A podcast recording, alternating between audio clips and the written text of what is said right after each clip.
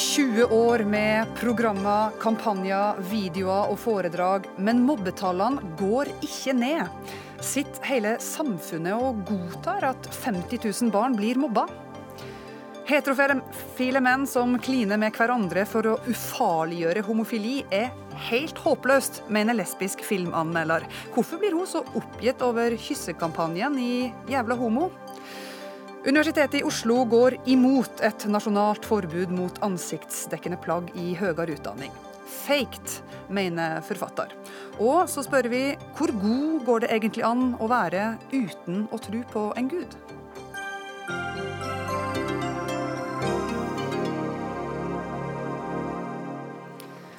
Du hører på Dagsnytt 18 i studio i dag, Ingrid Stenvold. 70 millioner kroner har blitt brukt på mobbeprogram siden 2001. Men det har ikke blitt mindre mobbing. 50 000 barn sier at de utsettes for krenkelser to til tre ganger i måneden i norske skoler. I går kveld viste NRK Brennpunkt eh, dokumentaren 'Arnar og Mia', som eh, følger to barn på to forskjellige skoler i Norge. De blir mobba. Den ene ender med å ta sitt eget liv. Cecilie Ellingsen, prosjektleder i NRK Brennpunkt. Vi skal snakke om nå 21 år gamle Arnar, som dere fulgte tett gjennom grunnskolen. Og for de som ikke så Brennpunkt, hvordan var hans skolehverdag? Arnar var eh, redd for å gå på skolen hver eneste dag. Han eh, hadde vondt i magen, han hadde vondt i hodet. Han eh, sto ofte alene. Det eneste han ønsket seg, var en venn. Hvilke konkrete episoder ble han, han utsatt for? Det var ulike episoder. Den du hører om i filmen spesielt, er jo at eh, det er noen gutter som låser han inn i klasserommet og tar, tar matboksen hans og kaster den rundt. Og så faller han på bakken, og så sparker de han.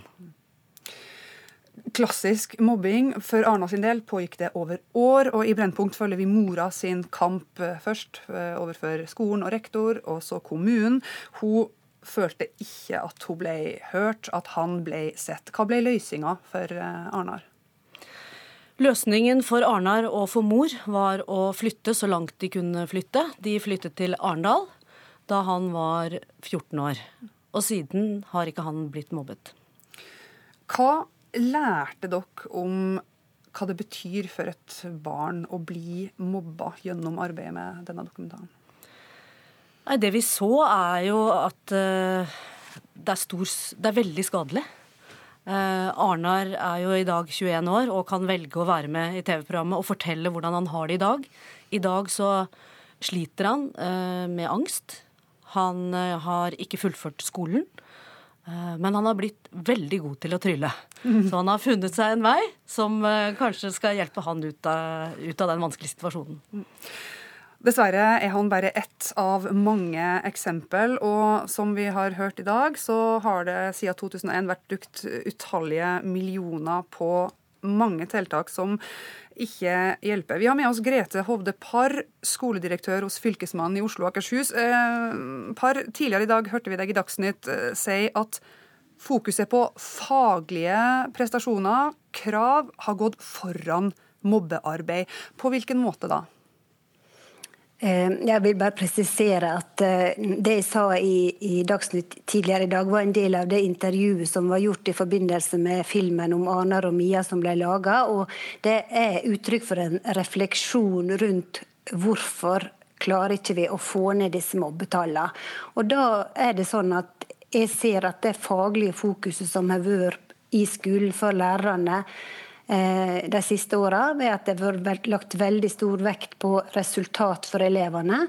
Eh, videreutdanning og faglig fordypning for lærerne. Så mener jeg ikke at det er noe motsetningsforhold mellom faglig fokus og arbeid med skolemiljø, men vi vet alle sammen at det er vanskelig å å holde mange fokus høyt oppe på en gang.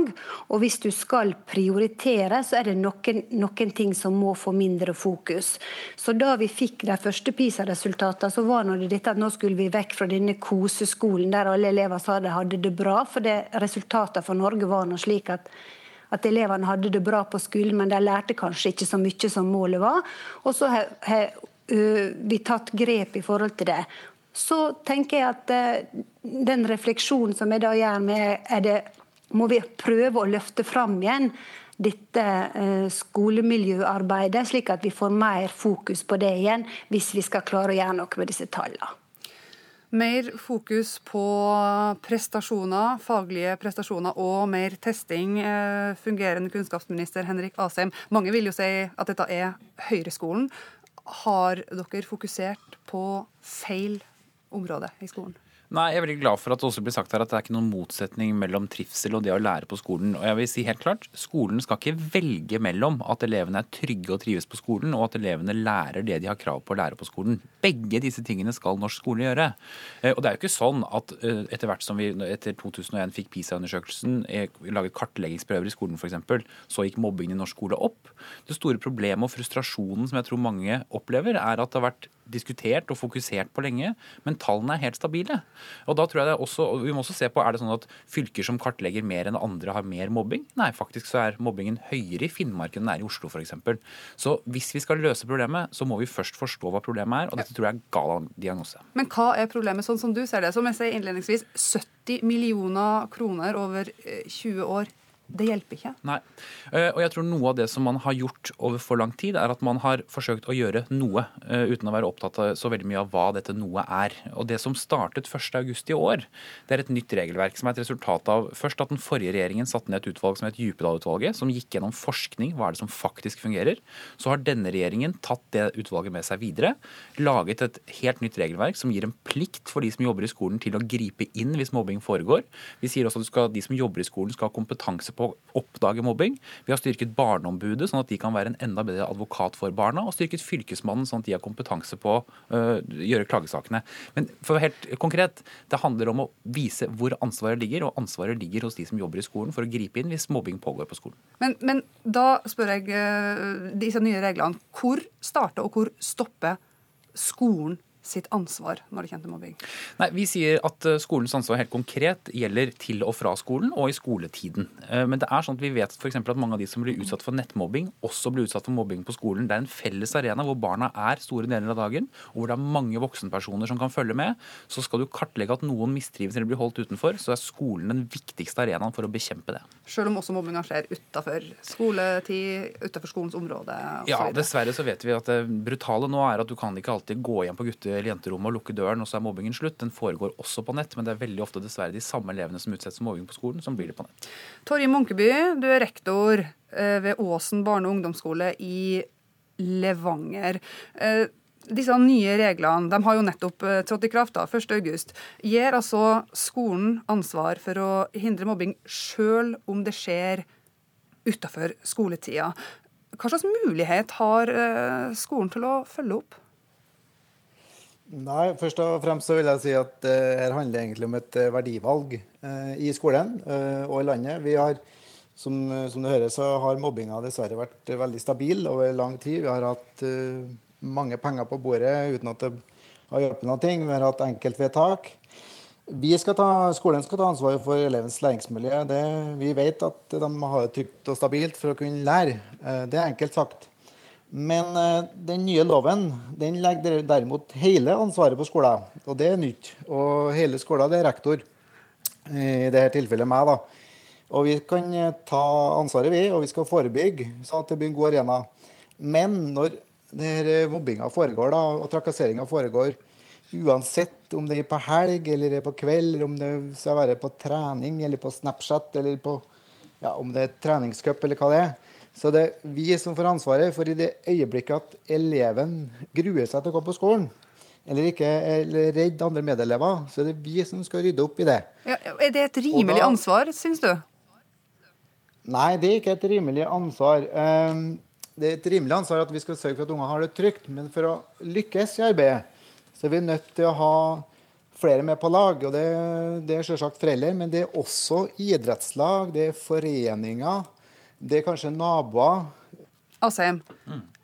er, du, følger du et stykke på vei at, at, at, det er kanskje for mye forlangt av en skole, av en rektor, å kunne eh, følge opp disse reglene? Ja, altså Dette regelverket er ikke alt vi gjør heller. Vi har f.eks. et svært nettverk mot mobbing også, som involverer forskjellige organisasjoner og, og delene rundt. Men vi vet at den felles arenaen alle barn har, er på skolen. Og vi vet også at veldig mye av mobbingen skjer på skolen. Og Hvis du ser på de to veldig triste historiene vi så på Brennpunkt i går, så så vi at det særlig var skolen som ikke klarte å fange opp og hjelpe dem, selv om de også strakk ut en hånd og ba om hjelp.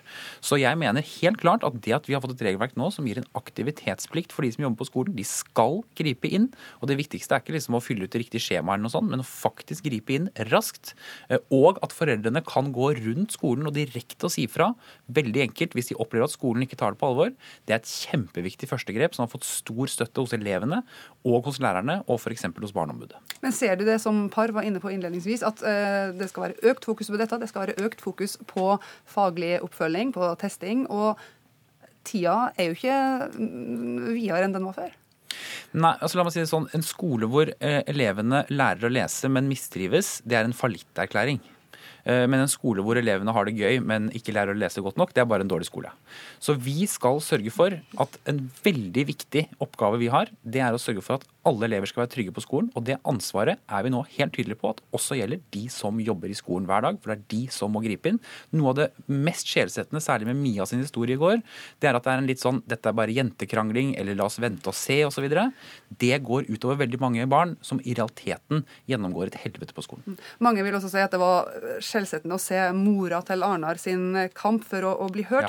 Ja. Eh, Hovdepar, du jobber hos Fylkesmannen. Eh, ifølge de nye reglene nå så vil det bli lettere for foreldre. De skal raskere kunne gå og klage direkte til Fylkesmannen, altså til deg. Du vil få flere saker kanskje på ditt bord. Hva vil det løse? Vi har mange flere klagesaker eller henvendelser til oss om saker i høst. Og vi har veldig mange henvendelser der foreldre ber om veiledning. Vi har nå Fylkesmannen, som det ble vist i går, et skjema liggende ute på nett der foreldre kan henvende seg, eller elever kan henvende seg direkte til oss. og Vi får veldig mange henvendelser, og vi bruker veldig mye tid på dette. Vi har fått den myndigheten at det er vi som skal fatte enkeltvedtaket. Hvis eh, elevene eller foreldre ikke stoler på at rektor tar tak i dette innen fem dager, så kan Fylkesmannen fatte vedtak med tiltak og bestemme hva skolen skal gjøre for at eleven skal få det trygt og godt. Jeg er helt sikker på at dette regelverket vil være en hjelp for elever og for barn til at dette skal gå både enklere, raskere og tryggere, være tryggere. Anne Lidbo, barneombud. Jeg må spørre deg eh, direkte. Har du tro på de her nye reglene? Jeg har tro på de nye reglene, og vi har jo jobbet hardt for at dette nye lovverket skulle komme på plass. Eh, det er veldig tydelig på at det skal være nulltoleranse mot mobbing og krenkelser, og at skolen har en krystallklar eh, aktivitetsplikt. Jeg blir jo litt sånn rystet når vi igjen begynner å, å diskutere dette om, om læring versus uh, og måling og, og, mobbing. Det er klart at det er mulig å få til begge deler. Og disse mobbetallene har ligget høye og stabile over lang lang tid. Og vi i Barneombudet ser eksempler på kjempegode skoler som får det til. De får både til læring og de får til å ha et godt psykososialt skolemiljø. Det det er snakk om her, det er holdninger. Voksne må ikke akseptere at barn krenkes og ikke har det bra på, på skolen. Vi må forstå, ta inn over oss hvor alvorlig dette er for barna. Det kan ødelegge barnas psykiske helse, fysiske helse, skolegang, føle at de dropper ut, i verste konsekvens at de mister livet sitt. Og så har det vært altfor mye ansvarsforskrivelse. Eh, fraskrivelse, Det syns jeg denne dokumentaren viser. Man snakker om kjegling, konflikter. Man tar virkelig ikke inn over seg at skolen her faktisk har et ansvar i forhold til å gi barna et godt eh, skolemiljø. Men jeg har lyst til å spørre deg, Hvor langt går skolen sitt ansvar, og, og hvor kommer f.eks foreldrene eh, sitt ansvar inn? Foreldrene er kjempeviktige, men man må huske på at skolen er barnas arbeidsplass. De er pålagt å gå der. De er pliktige å gå der. Og det er skoleleders ansvar å sørge for at alle barna er trygge på sin arbeidsplass. Eh, det er jeg kjempeglad for at dette regelverket eh, er så tydelig på. Og det er klart at Hvis rektor jobber godt forebyggende gjennom hele året, er tydelig, er i god dialog med lærerne sine, sørger for at det er nulltoleranse, så er det fullt mulig å få til dette. Og Hvis man ikke vet hvordan det skal gjøres, kan man kontakte Fylkesmannen og få råd, eller Barneombudet, så skal vi bistå. Vi kan høre med rektoren, da, Terje, Torje Munkeby. Det er fullt mulig hvis du følger disse reglene og oppnå nulltoleranse og, og få ned mobbinga. Har du like sterk tro på det, du? Ja, altså jeg er veldig glad at det er et tydelig regelverk og at det er fokus. Men som jeg prøvde å si i sted, at eh, jeg klarer ikke å lykkes med arbeidet alene. Men jeg kan godt gjøre et godt forebyggende arbeid, og vi er flinke i skolen. Det er ulike program og flinke til å ta vare på ungene. Men selve mobbinga som skjer utafor skolen, den må vi ha resten av bygda med på lag, eller byen, om det så være. Vi må òg ha ansvar til dem som er utafor skolen. Ikke bare skolen. Da lykkes vi ikke. Det er jeg redd for. Ja, selvfølgelig så må foreldre, elever og andre være med. Men igjen, det er rektor og skolen som har ansvaret for å koordinere og ha hovedansvaret i dette arbeidet. Og så må de jo trekke inn de instansene det er naturlig å samarbeide med. da. Ha godt samarbeid med foreldrene, ha godt samarbeid med eleven, ha godt samarbeid med fylkesmannen eller andre instanser som kan hjelpe. Men det er og skal være rektors ansvar. Og en av utfordringene så langt har vært at det har vært en pulverisering. Ingen har på en måte virkelig fått eh, og vært ilagt eh, krystallklart dette ansvaret. Og det har jo gjort at en del saker har fått pågå i år. Altså Vi har hatt saker vi som har pågått i seks-syv år uten at barn har fått hjelp. Og nå har vi også da hatt en, klage, hatt en klageinstans, en fylkesmann, som ikke har vært uh, offensiv nok på barnas uh, vegne og heller ikke hatt de nødvendige sanksjonsmidlene, så, så har resultatet blitt uh, tapt skolegang og i, faktisk enkelte ganger også tapte liv. Som sagt, De nye reglene trådte i kraft 1.8, så får vi la det gå litt tid. Og så skal vi se om vi tar opp denne saken igjen. Takk for at eh, dere kom til Dagsnytt 18, alle sammen. Dagsnytt 18 alle hverdager kl 18.00 på NRK P2 og NRK2.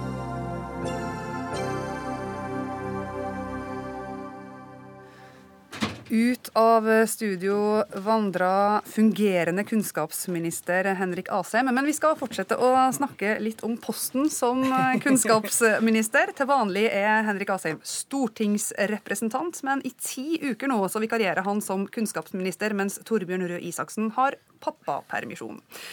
Men er det en klok praksis å hente vikarer fra Stortinget, slik regjeringa nå har gjort? Det spørsmålet har du stilt i en kronikk i Dagens Næringsliv. Øyvind Håbrekke, du er faglig leder i tankesmien Skaperkraft. Hvorfor mener du dette er problematisk?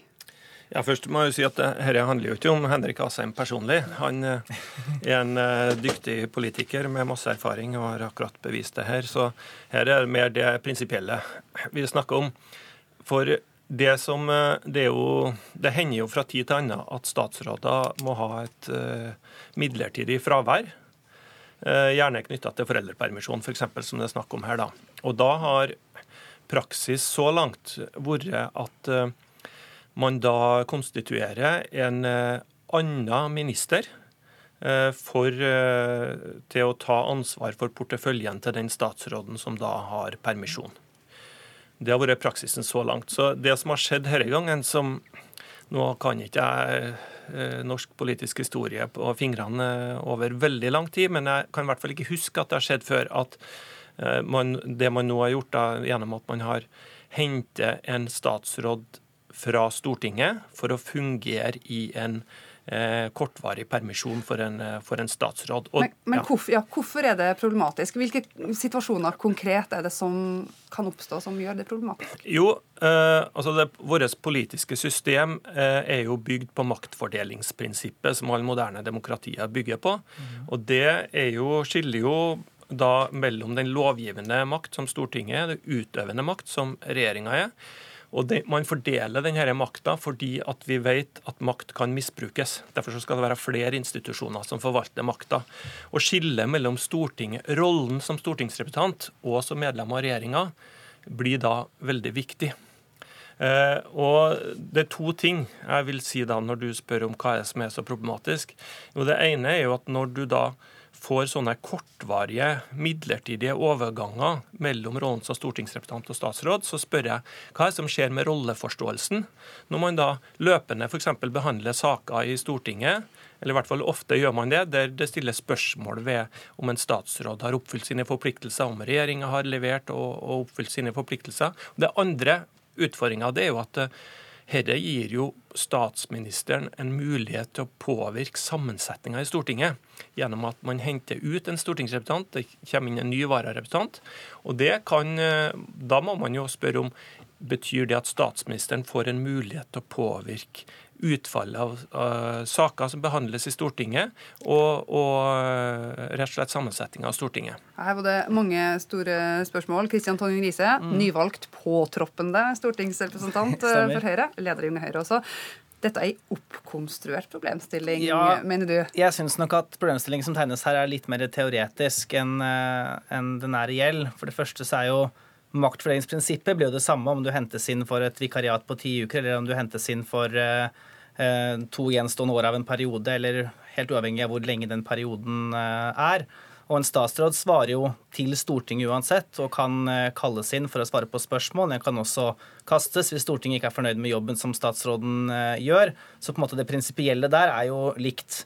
Jeg tror også at særlig den problemstillingen med at en statsminister skal kunne hente inn brysomme representanter eh, som statsråder eh, for å avgjøre en votering, tror jeg nok er ganske teoretisk. For jeg tror ikke det er noen som ville sett for seg at det skulle gi mindre bry hvis du har en eh, representant som du syns lager litt mye krøll, og så hente den inn som statsråd og gi den ansvaret for et helt departement en periode, og så tenke seg at det skulle gi statsministeren mindre bry.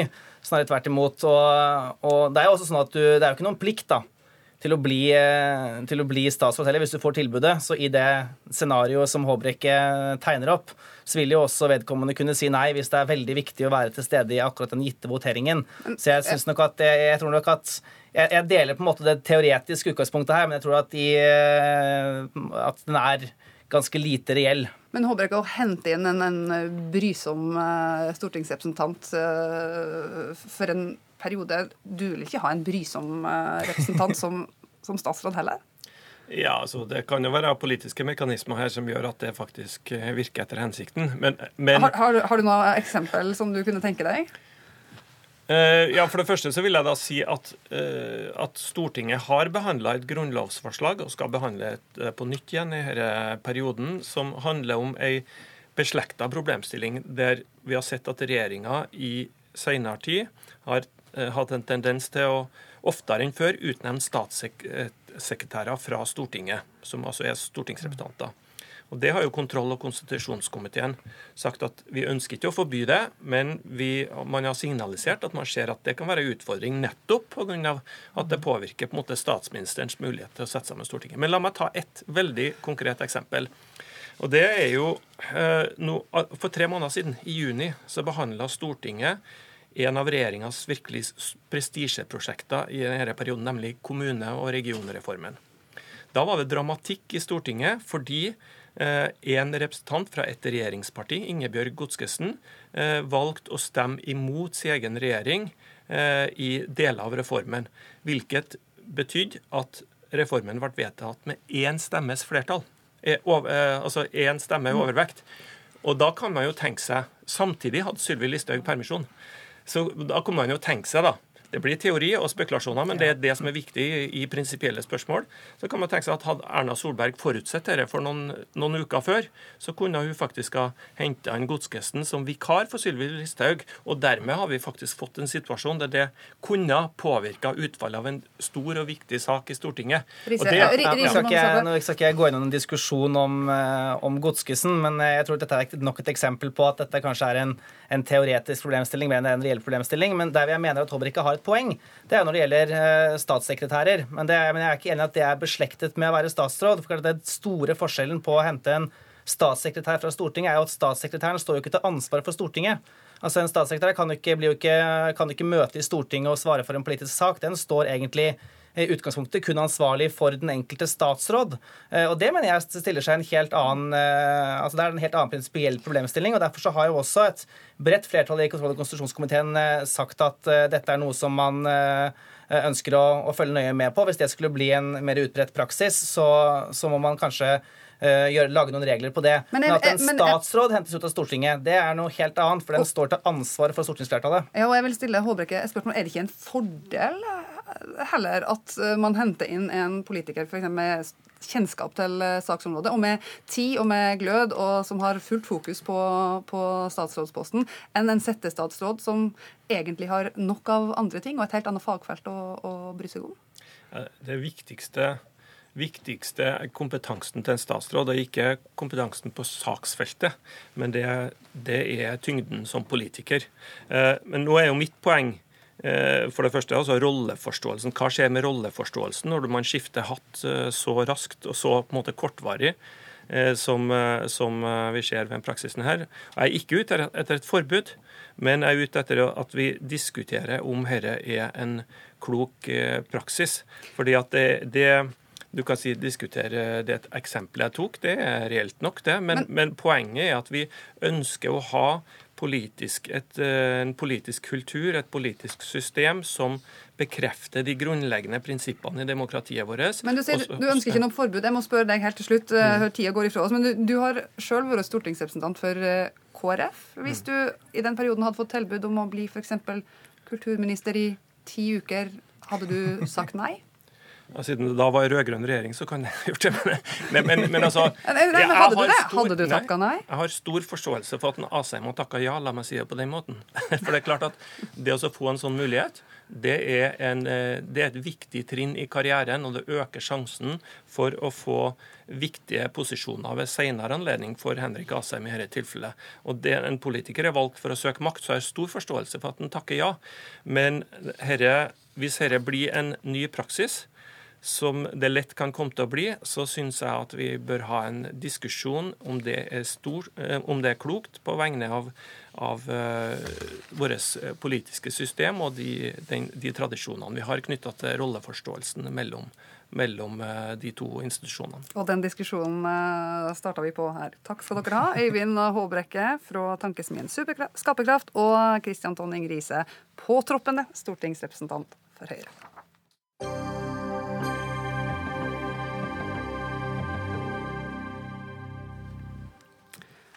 Regjeringa vil forby bruk av ansiktsdekkende plagg i alle barnehager og utdanningsinstitusjoner. I dag gikk høringsfristen eh, for forslaget ut, og ifølge nettavisen Krono får regjeringa støtte fra et stort flertall av de som har sendt inn eh, si mening i saken. Men mange utdanningsinstitusjoner er imot. Ni universitet og høgskoler sier nei til eh, forslaget om å forby nikab. Bare Nord universitet har sagt ja. Inger Bergette Lunde, forfatter. Eh, du skriver i en kommentar i Aftenposten at Universitetet i Oslo sitt nikab-ja er faked. Hvorfor er det faked? Jo, da ser jeg på dette som Eh, det er feigt å si ikke tørre å si nei. Eh, jeg mener at nikab er så ekstremt uttrykk for kvinneundertrykkelse at det skal legitimeres på universitetet på denne måten. Eh, strider imot alt hva jeg har vokst opp med. Og når det attpåtil besluttes i en på et universitet, som jeg respekterer veldig mye, så syns jeg det er et slag i maven, rett og slett. For det vi eh, gjennom flere hundre år har kjempet for av frigjøring og toleranse og åpenhet. Så dermed syns jeg fra mitt ståsted, plattform, at det, det er en feighet fra akademia. Gro Bjørnerud Moe, du er prorektor ved Universitetet i Oslo. Er dere feige? Nei. Men la meg allerede først si at det er mange store spørsmål og dilemmaer knyttet til bruk av heldekkende ansiktsplagg i eh, offentligheten. Og mange, selv inkludert, reagerer negativt eh, på bruk av klesplagg som gjør det umulig å koble ansikt, stemme og identitet. Det bryter med den nordiske samfunnsmodellen. Eh, og det bryter også med akademiske kjerneverdier. Men vårt poeng er at vi mener at eh, disse verdiene allerede er beskyttet i gjeldende lovverk, og at det er det diskusjonen går om. Eh, så vi er ikke feige, men jeg mener at vi har et stort ansvar i et krevende terreng, og det gjelder å fatte gode valg, og det er det den saken handler om for vår del. Men et stort flertall av de som har uttalt seg i høringsstunden, eh, sier ja til regjeringa sitt eh, forslag. Hvilke positive eh, effekter har et heldekkende plagg som, som gjør at dere ikke vil ha et forbud. Det, det, må jo finnes, tenker jeg, i argumentasjonen. Eh, det vi er opptatt av, er at vi er negative til å forby. Og vi er positive til dagens eh, regelverk, som gjør det mulig å stenge ute eh, basert på faglige hensyn. Og all vår erfaring tyder på at det er en god det er et godt regelverk, og det fungerer godt for de behovene det er snakk om. Det er snakk om en veldig liten og marginal gruppe, og vi har gode erfaringer med dagens regelverk. Hvis eh, kvinner ender med å bli utestengt fra for å, ta høyere utdanning fordi de bærer et hovedplagg, er ikke det også kvinneundertrykking? Det er dumt. Men den risikoen må vi ta. At det er et verdivalg man gjør. Vil man ha nikab på universitetet, eh, i utdanningsinstitusjoner, så er det veldig alvorlig. Og jeg tror at eh, i en overgangsperiode kan det by på problemer. Det vil det for øvrig uansett være. Men den er vi nødt til å ta hvis vi skal mene at kulturen vår har noen verdibegreper, og at institusjonene våre har en viss form for ryggrad. Har vi ikke ryggrad, eh, så blir det på en måte slottet et sandslott til slutt. Og det frykter jeg um, i prinsippet og sett i lang sikt. Det er jeg redd for, og jeg Men du mener, du ja. mener altså, at dette er, du sier, det er kvinneundertrykkende, truer mm. norske verdier som vi må ha ryggrad til å, til å stå opp for. Er, er ja. det det mer enn konkrete ting i en utdanningssituasjon som bekymrer deg? Altså Hvordan det skal foregå praktisk, det, det skjønner jeg ikke helt. Eh, at studenter ikke kan snakke med hverandre eh, f.eks. Det må bli veldig problematisk. Eh, snakke med slør. Men Det er nå én ting. Men dette er for meg eh, nei, en prinsippsak. Eh, universitetet har det mer som en praktisk eh, utfordring. for meg er det ikke slik. Det er Tillater man et grotesk undertrykkende kostyme, så så gjør man noe alvorlig. Jeg tenker at Her er det ulike former for verdisyn som må veies opp mot hverandre. og Vi har tenkt at her gjelder det å utvise stor grad av toleranse. Uh, og jeg har registrert at Inger Margrethe Lunde har ment at vi også opptrer historieløst i denne situasjonen. Og jeg tenker at her er det mange historiske forbilder vi kan trekke fram. Og selv vil jeg ha lyst til å si at uh, hvis vi går tilbake til Frankrike 1500, på 1500-tallet, som jeg kjenner godt, hvor det var eh, flere tiår med strid mellom katolikker og protestanter, så var det nettopp et nytt toleransegrep som gjorde det mulig å komme ut av den konflikten. Og toleranse handler ikke om å akseptere den andres ståsted, men det handler om å tåle det. Og det er det prinsippet vi nå legger til, til grunn, for vi tenker at her er det en gruppe kvinner som potensielt kan ha veldig stor nytte av utdanning, og det er en liten gruppe. og vi er også ganske bekymra for det praktiske ved det, fordi vi tenker oss at en situasjon hvor vi må eh, utestenge individer fra campus, fordi i lovforslaget ligger det også en, en, lov om hva som skal skje i pauser, så vil vi kunne få veldig vanskelige situasjoner på campus. Men hvor setter dere grensa? Vil dere kunne ansette en person til å holde forelesninger som bærer nikab? Eh, det er sånn at Vi har ikke vurdert situasjonen for ansatte i forbindelse med dette lovforslaget. Det må vi eventuelt komme tilbake til. Men sånn som det er i dag, så er det eh, kvalifikasjoner og gjeldende lovverk altså knyttet til likestilling som vi bruker i ansettelsesprosesser. Altså jeg ser ikke for mitt bare liv eh, dette med likestilling i spørsmålet om hvorvidt kvinnen kan gå med en heldekkende bekledning. Jeg har lyst til å sitere Arnulf Øverland. Du må ikke tåle så inderlig vel den uredd som ikke rammer deg selv. Kvinnen utsettes for uredd. Ure, med, uh, hun utsettes uh, for uh, en urett. Men dette gjelder jo forsvinnende få. Det spiller ingen rolle én eller tusen. Her er det prinsippet som rår. og det må nasjonen, staten, ta et eh, standpunkt til. Ikke eh, det lokale universitetet. Dette er mye mer alvorlig. Så langt eh, kom vi i dag. Vi må sette strek. Høringsfristen for forslaget gikk ut i dag, og så får vi se hva enden på visa blir. Takk til Inger Margrethe Lunde og Gro Bjørnerud Moe.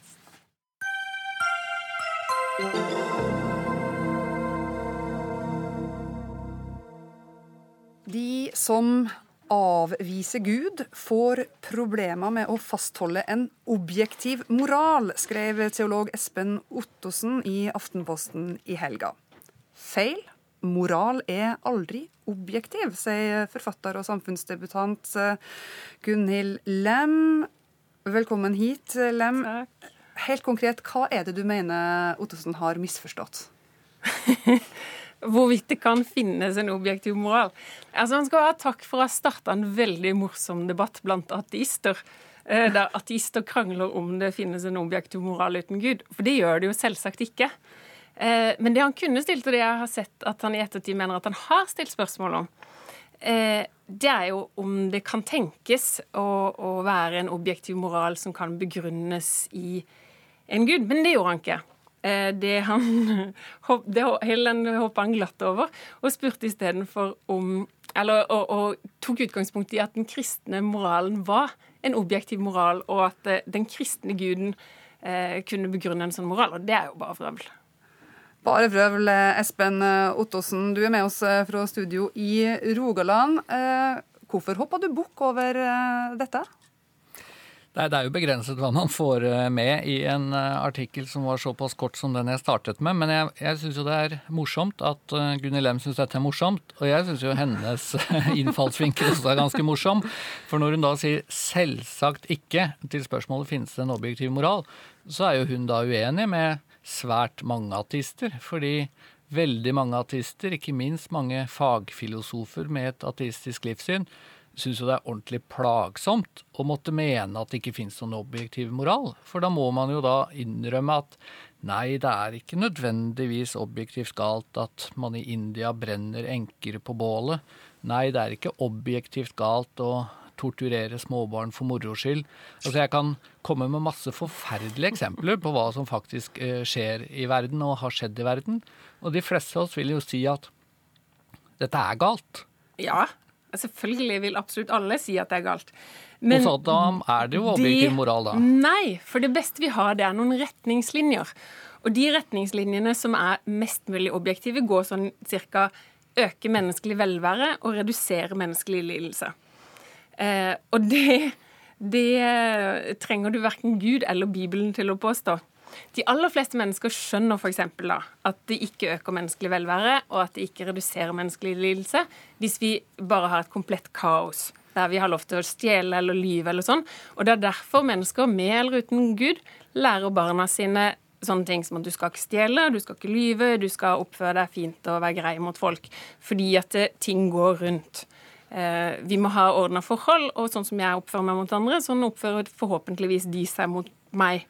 Men jeg må spørre Ottosen, for meg er det vanskelig å lese deg på en annen måte enn at du mener at det er lettere å fastholde en moral hvis du har ei tru. Mener du ikke det overhodet? Jo, jeg mener det er lettere å begrunne og fastholde en objektiv moral. Men så betyr jo ikke det at jeg mener at ateister pleier eller uh, kommer til å være umoralske. For jeg er helt enig med Gunhild Men de løper en større risiko for å være det, eller? Nei, altså Det som jeg hører min motdebattant sier nå, er jo at hun blander sammen to debatter. Og det, det blir litt kaotisk. For det første så sier hun eh, at hun tror på en slags moralsk objektivitet. Og den objektiviteten uh, handler om at man skal øke eh, menneskelig velvære og redusere menneskelig lidelse. Og det er jeg jo veldig langt på vei enig om. Der er vi jo allmennmenneskelig enige, uansett hva man tror og, og mener og tenker.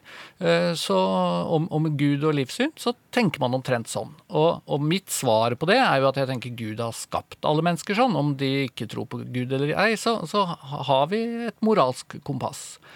Så, så der er vi på en måte enige. Men så blir jo spørsmålet er dette, denne menneskelige velværen som da Gunhild Lem snakker om, eh, er det en objektiv moralsk målestokk, sånn at hun kan si f.eks. til en person som sier jeg er opptatt av menneskelig velvære, men jeg er mest opptatt av min egen. Sånn at hvis det er noe jeg blir kjempeglad og fornøyd av å uh, gjøre, selv om andre får det ganske fælt, så bryr jeg meg så veldig mye om det. For jeg er opptatt av min egen menneskelige velvære. Men og det er da jeg vil gjerne si til det mennesket, og det tror jeg også Gunhild Lem vil, at, at uh, dette er galt. Sånn kan du virkelig ikke oppføre deg. Men hør, hør. Problemet her er jo at du tror at, at din moral sånn som den er utforma, er objektiv, og du bygger den på en bok som er 2000 år gammel. Nei, nei, nei, nei. Jo, eh, for, du kan ikke bygge den kristne moralen på noe som helst annet enn Bibelen. Det, men det som skjer, er at for det første så er Bibelen 2000 år gammel.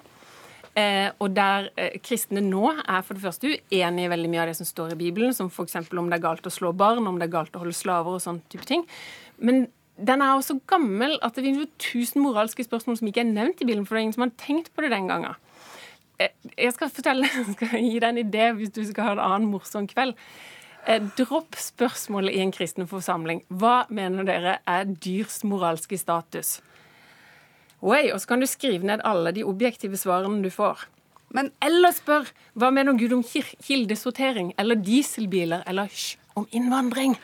Ja, men dette du her har jo ingen moralske svar heller. Nei, men dette er ikke vanskelig i det hele tatt for meg å håndtere. Nei, men hør. Du, det du har, det er en milliard mennesker som går rundt og tror at de har en objektiv moral. Eh, og da kan de godt si sånne ting som at eh, det jeg mener, eh, det er til beste for andre, eh, og jeg er mot rasisme, og jeg er for alle mennesker og sånt noe. Men i en faktisk situasjon, der du f.eks. skal gå i dialog med noen som er helt uenig med deg, og du sjøl mener at du har objektiviteten og Gud på din side, da sliter du mer enn meg. Ja, men, men det er jo det du misforstår, Gunhild Lem, for jeg sier ikke at jeg har en objektiv moral. Jeg tror ikke jeg er Gud. Jeg tror Gud fins. Jeg tror han har en objektiv moral. Jeg tror han er godheten selv. Og så innser jeg at jeg er et svakt menneske, et feilbarlig menneske. og Av og til tenker jeg feil, av og til gjør jeg i hvert fall feil. Men det jeg tror er at det altså fins en objektiv moral, eh, og den mener jeg ikke man bare finner ved å nilese Bibelen, selv om jeg anbefaler det så varmt jeg bare kan.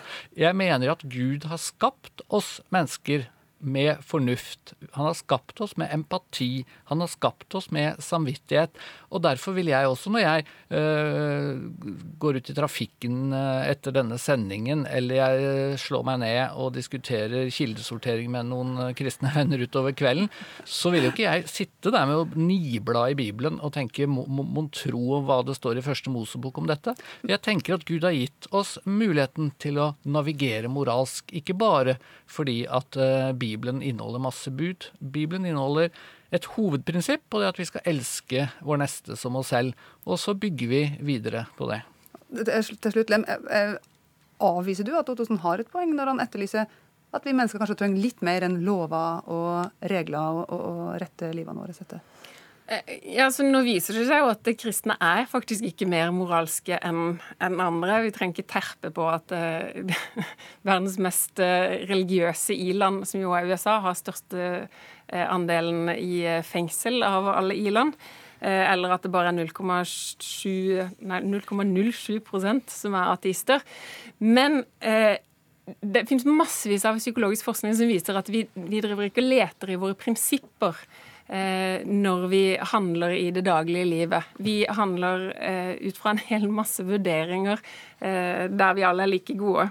Og tanken også på at det finnes en gud som fordømmer deg og kanskje skal sende deg til helvete, har også vist seg å ikke være en veldig god motivator til å være snill.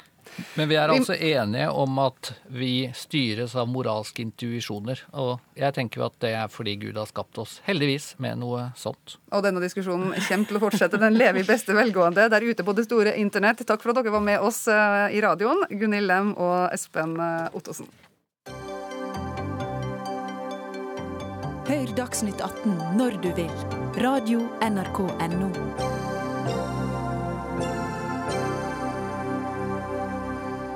Nå skal vi snakke om Jævla homo.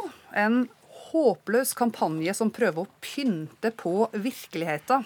Det sier Britta Møystad Engseth, som har latt seg provosere av heterofile som kysser heterofile for å støtte homofile.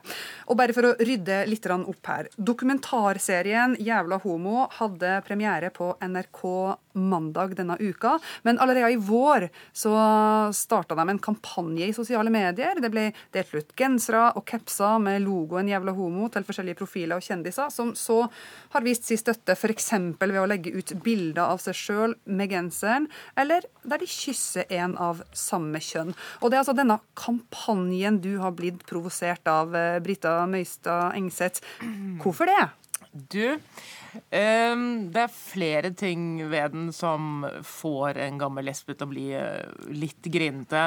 Um, en ting er nå uh, dette evig tilbakevendende fenomenet heterokjendiser som pynter seg med homokampen når det måtte passe dem, uh, og så kan gå hjem til sine relativt ufarlige liv. Det andre er at på f.eks. Instagram-kontoen til jævla homo. Der ligger det vel gudene vet, noe sånt rundt 2000 bilder eller noe sånt nå. Og jeg falt ut av tellingen, for det var veldig mye å telle, men la oss si at ca. 1950 av dem er jenter, unge jenter som kysser unge jenter, eller da heterodamer som kysser andre heterodamer. Og hvordan at uh, Marna Burøe kysser Trude Drevland, hvordan det fremmer homokampen, er for meg en stor gåte. Men uh, det er påfallende at uh, det er så få menn med i akkurat den kampanjen der, som gjør da det dette disse unge jentene gjør. Nå skal det sies at Stian Blipp og Atle Pettersen susser litt grann, og sier at det var ganske hyggelig. Men det er ironisk at denne kampanjen som da viser et uh, heterosamfunn som en eneste stor, vidunderlig regnbuefamilie, riktignok med en overvekt av uh, unge, kyssende kvinner, uh, befinner seg i samme univers som Gisles TV-serie, som er laget for å fortelle hvor vanskelig han syns det er å være homo. Vi må spørre Gisle Gjevestad Agledal, velkommen hit. du er programleder da, i Jævla homo. Hva sier du til eh, kritikken? Driver dere og pynter på ei vanskelig virkelighet? Nei, altså vi har jo laget en TV-serie som vi håper at setter i gang noen samtaler og tankeprosesser hos folk, eh, og hvor vi håper at 17-åringer som ser på, heller skal kunne glede seg over livet sitt i stedet for å ville ta det. Og i den forbindelsen så har vi også da laget disse kampanjene på sosiale medier for å håpe på å nå ut til flere enn TV-serien vil nå ut til. Eh, og med det så tenker jeg at Eller mener jeg at eh, de som eh, har behov for, eh, for, å lære litt mer eller å få skrudd litt, justert litt på holdningene sine, kommer ikke til å oppsøke jævla homo-TV-serien. Men de får kanskje Ørjan Bure rett i feeden sin på Instagram.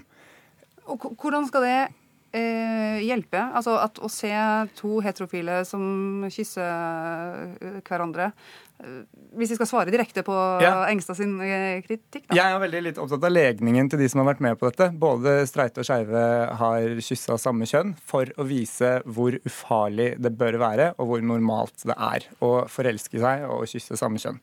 Eh, og Poenget her, uansett hvordan de definerer seg, hvilken seksualitet de har, er jo at vi har enorme profiler her med masse uformell makt, både skeive og streite samme det, som bruker plattformen sin til å fremme varme, inkludering og aksept. Og det har jeg veldig vanskelig for å finne noe feil med. Ja, Engstedt, det må jeg jo spørre om. Ikke, det å vise at det ikke er så farlig å normalisere homofili, er ikke det være av det gode? Ja, men da kan man da ikke bruke eh, ekte humor, da? Uh, Istedenfor stand-in-humor, som disse kjendisheteroene er. Uh, fordi det spiller jo ingen rolle for uh, Stian Blipp eller Atle Pettersen at de nusser hverandre. For dem koster det ingenting. De risikerer ingenting. De risikerer ikke, når de går ut fra London pub, hvis de noen gang har vært der, at det står sinte mennesker utenfor og vil denge dem fordi de er homo. Disse menneskene risikerer ingenting, og den kampanjen er på en måte med på å si at det, ja, så, det er så koselig. Uh, og jeg støtter deg innmari. Og nå har jeg på meg en grå collegegenser uh, som det står 'jævla homo' på.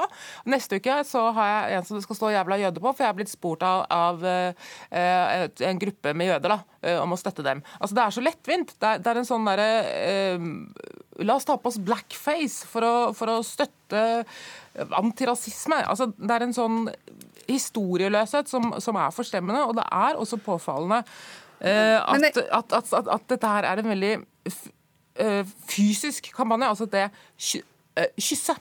Kysse er en fysisk handling. Det er ikke alle som, det er ikke engang mange hetero som syns det er behagelig å gjøre på gaten. Men da, og, jeg må spørre, hvilke ja. andre, altså, En ting er at uh, Engseth reagerer. Hvilke andre reaksjoner har dere fått på den uh, kampanjen? Deler mange hennes syn? Eh, ikke, de har i hvert fall ikke fortalt det til meg. Eh, jeg, de tilbakemeldingene jeg har fått, det er unge skeive som eh, sender meldinger og sier at de for første gang har fortalt foreldrene sine om at de er skeive. De har kanskje for første gang eh, akseptert eller innsett selv, eller, for, eller si, det finner en trygghet da, nettopp i at Sofie Elise eller eh, ja, eh, eller komikerfrue. Trude Drevland. Jeg vet ikke akkurat hvem som har størst effekt på hvem. Men eh, at det har vært med å hjelpe de til å på en måte se eh, ja, Finne en eller annen trygghet i det, da, i den aksepten som faktisk finnes der. Okay, og det da, da, fikk vi allerede før serien, serien kom på mandag. De første tilbakemeldingene kom da genserne kom i vår. Ja. Nei, jeg må bare si at det, altså, det, er jo ikke Sofie Elise som skal gå i tog sammen med dem da. Det er jo ikke Sofie Elise uh, som tar imot dem uh, når de senere skal fortelle dette på jobb, eller fortelle det andre steder, eller stå frem andre steder. Uh, så det er på en måte altså, Det er jo et todelt problem. da. Én ting er nå at det det fremdeles må lages TV-serier som forteller hvor uh, skamfullt, vanskelig, uh, ekkelt, grimt det er å oppdage at man selv er homo. Uh, en annen ting er jo da at da har jo vi som er gamle, vi er skikkelig gamle i homobevegelsen, det har jo gått i homotog i 30 år, da har vi glemt å trene opp ungene som kommer etter oss, til å være stolte og åpne. Og Det er et problem for homobevegelsen fordi den er for fragmentert. Den handler nå mer om minoriteter innenfor minoriteter enn det den jo faktisk skal handle om. Agledal, helt til slutt. Ja, jeg vet at jeg har alt å takke homobevegelsen for. Eh, så tenker jeg at nå er vi i 2017, og kanskje gjør det ikke noe at vi også tar i bruk noen nye virkemidler. Om det er Sofie Elise, så syns jeg også det funker bra. Vi har nådd nesten to millioner følgere med denne kyssekampanjen nå på mandag. Nesten halvannen million da vi hadde genserne i vår. Og det eh, de som da får eh, vi, Av de to millionene, hvis det er ett menneske som føler seg litt tryggere, eller ett menneske som har fått holdningene sine justert bitte litt, da er denne kampanjen vellykka.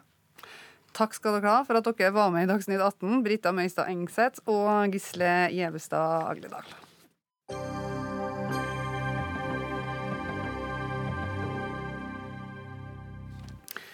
Da skal vi til saken om den bedrageritiltalte kapellanen i eh, St. Svithun katolske menighet i Stavanger, som er tiltalt for å ha underslått 645 000 kroner fra menighetens eh, kollekter. Vårt Land skriver i dag at eh, soknepresten i menigheten tok mannen ut av tjeneste da det først ble fatta mistanke. Dette ble imidlertid overstyrt fra høyeste hold av biskop Bernt Eidsvik, som gjeninnsatte den nå tiltalte tiltalte kapellanen kort tid etterpå. Elin Arjasæter, du er førstelektor i personalledelse ved Høgskolen Kristiania. Du sier til Vårt Land i dag at det er feil av Den katolske kirke å la mannen bli i prestetjenesten. Hvorfor det? Ja, Det er jo ikke ulovlig. De begår ikke noe lovbrudd, men det er jo også det beste man kan si, da. Jeg kan jo ikke tenke meg en eneste annen bedrift i dette landet som hadde gjeninnsatt for det er jo det som har skjedd, ikke sant? Nei. Ok, Men har, han fungerer nå i hvert fall som prest når han er satt under tiltale for grovt økonomisk utroskap. Eh, og det er, eh, er, høyst uvanlig og svært uklokt. Ja, hvordan burde Den katolske kirke håndtert denne saken? Eh, det som er kjørereglene her, eh, det ligger jo i arbeidsmiljøloven, og det er ikke noe mystisk i det hele tatt. Det heter suspensjon. Og det er at du blir tatt ut av stillingen og får eh, full lønn mens etterforskningen pågår, eventuelt mens du venter på en dom. Så er jo arbeidsrett og strafferett to forskjellige ting med helt forskjellige beviskrav. Så jeg vil jo også anta at man her hadde hatt et eh, grunnlag til en saklig oppsigelse som kunne vært et alternativ. Det som er helt originalt, det er jo å la mannen fortsette i jobben. Kommunikasjonsleder ved Oslo katolske bispedømme, Hans Rosiné. Hvorfor får eh, denne tiltalte presten fortsette? fortsette? Bare rydde opp i en liten misforståelse som har vært i vårt land, og som Elin Ørjasæter fremsetter her. Altså, ikke, han er ikke tatt ut av stilling av sognepresten og gjeninnsatt av biskopen. Eh, for det er sånn i den katolske kirke at det er kun biskoper som kan avsette og innsette, så sognepresten gjorde noe han strengt tatt ikke skulle gjøre. Men han ønska det og fikk beskjed om at dette kunne han ikke gjøre fra øverste ja, hold. For det var ikke, var, var ikke, grunnlag for det, for det er, det er en ganske komplisert sak. Jeg er enig for så vidt med Ørjasæter at det kan være en slags hovedlinje Eh, når det er tiltale, Dette er en tiltale som verken Ørjasæter eller jeg nå kjenner eh, inngående. Vi har bare, bare lest om det. Eh, og vi har jo tidligere i Den katolske kirke hadde vi i fjor en sak med en økonomisjef som var siktet en lang periode, og så ble han tiltalt. Og da, i den situasjonen så ble vi da enige, arbeidsgiver og arbeidstaker, Eh, om at han fratrådte sin stilling. Så vi er ikke ukjent med dette. her. Men denne saken er annerledes. For vi mener at det er ikke grunnlag til eh, suspensjon i denne saken, selv om det nå er kommet eh, tiltale. Men da må jeg spørre, Politiet har gjort sine undersøkelser og konkludert med at det er begått straffbare forhold. Statsadvokaten mener politiet har kommet fram til riktig vurdering og har tatt ut tiltale. Hva er det dere vet som de ikke vet? Altså Først vet ikke vi egentlig hva politiet vet, for vi har ikke, har ikke lest tiltalen. Men vi gjorde da etter at uh, kapellanen, som er en lavere stilling, som ikke har administrativt og økonomisk ansvar i, i kirken, da kapellanen ble anmeldt, så gjorde vi vår egen gransking, eh, interne gransking av, av, forholdene. Det var veldig grundig. Det var en gransker som var i Stavanger i dagevis, intervjuet mange, mange, mange mennesker. Og Konklusjonen på det var at det da ikke var underslag, og at det ikke var det politiet har tiltalt han for. Så Det er, er, den konklusjonen vi kom frem til, og det er den kunnskapen vi har per nå. Hvis vi får annen kunnskap fremover, så er det klart at vi vil revurdere hans stilling. Og Denne saken er veldig trist og lei for oss, for Kirken og ikke minst for menigheten i Stavanger. Ja, Dette er helt utrolig. For det ledelsen da eh, driver med ved Bernt Eidsvik, din sjef, det er jo å Eh, skade menigheten. Fordi at du sier at deres etterforskning tyder på noe annet. For det første er det feil. Både den personen som suspenderte da uten formelt mandat til å gjøre det, eh, og hans forgjenger begynte jo å dra opp denne saken. Denne saken er gammel. Og i svært mange andre bedrifter så vil man for lengst ha sett et saklig grunnlag for oppsigelse. Og så får straffesaken Så får liksom påtalemyndighetene få sitt, da, med helt andre typer beviskrav. Her har dere gjort det helt omvendte. Dere aktivt beskytter en person som er tiltalt for et veldig alvorlig tillitsbrudd og svik mot sine egne menighetsmedlemmer. Eh, det er det ene. Men dere har jo også omplassert han som faktisk prøvde å rydde opp. Han ble omplassert. Nei, nå, nå går det for langt. for det, De, de presteforflytningene som har vært, det er helt naturlig innenfor Kirken at man forflyttes uh, med jevne mellomrom. Ja, det, det, er det er, ikke det mine kilder i katolske kirker sier. Så det har ingen, ingenting med denne saken å gjøre? At, uh, at Nei, altså Det er vanlig at, at, man forflytter både sogneprester og, og prester, og kapellanene forflyttet til annet, uh, en annen menighet, og det samme er, er sognepresten. Og så er det jo sånn at verken du eller jeg vet hva den tiltalen er, hva underlaget i tiltalen Nei, er. Det, vi... det kjenner ikke du, og det kjenner ikke jeg. og vil også si at Det er heller ikke noen automatikk. Altså Jeg kan være med på at selvfølgelig når det kommer en tiltale, så må man vurdere en persons stilling eh, i, eh, hos arbeidsgiver. Men det er ikke noe automatikk, det er ikke noe plikt til å suspendere hvis det kommer en tiltale. Nei. Og her har vi gjort en grundig vurdering. I andre saken så gjorde vi en annen uh, vurdering, men her har vi gjort en grundig vurdering. Grundigere enn politiet? Ja, Vi vet jo ikke helt hva politiet har, eh, hvilken vurdering de har gjort. De har tatt ut en tiltale, men vi kjenner jo liksom ikke underlaget, underlaget for, for, politiets altså, tiltale. Og så tenker jeg at hvis det kommer nye momenter i denne saken, så er det jo helt naturlig at vi gjør en ny, ny vurdering. Men dette er jo helt merkelig. Altså, beviskravet i en straffesak er så mye tyngre enn i en arbeidsrettssak. Og påtalemyndigheten har tatt ut tiltale Altså, De mener at de har en god mulighet til å vinne den saken. Mens dere tenker helt omvendt av alle andre. Dere skal liksom ha høyere beviskrav enn i en straffesak. Og når det gjelder Den katolske kirke, så har jo dere nå et gigaproblem. Dere hadde medlemsjukssaken. Den saken skal opp som straffesak i november. Hvorfor er Oslo katolske bispedømme med i den tiltalen? Jo, fordi dere ikke vedtok forelegget dere fikk. Da er det økonomisjefen som står men, men nei, for det er det samme. Nå blander du, nå sauser du til Jo, nå sauser du til alt sammen. Nei, overhodet ikke. Rosine, jeg skal, spørre, jeg skal ikke sause sammen, jeg skal spørre deg eh, avslutningsvis her, for tida er i ferd med å gå ut. Hva tenker du om tilliten eh, denne eh, personen har, som nå fortsatt får eh, virke, i hvilken tillit han har i menigheten når det faktisk er tatt ut en ganske alvorlig tiltale? Det er selvfølgelig det er veldig veldig tungt, og, og, det er veldig belastende. Men, men per i dag så, så, står vi fast ved at vi ikke vil suspendere han. Eh, og så er det klart at det kan ha noe å si for, for tilliten, men vi, vi, har nå tillit til, til kapellanen.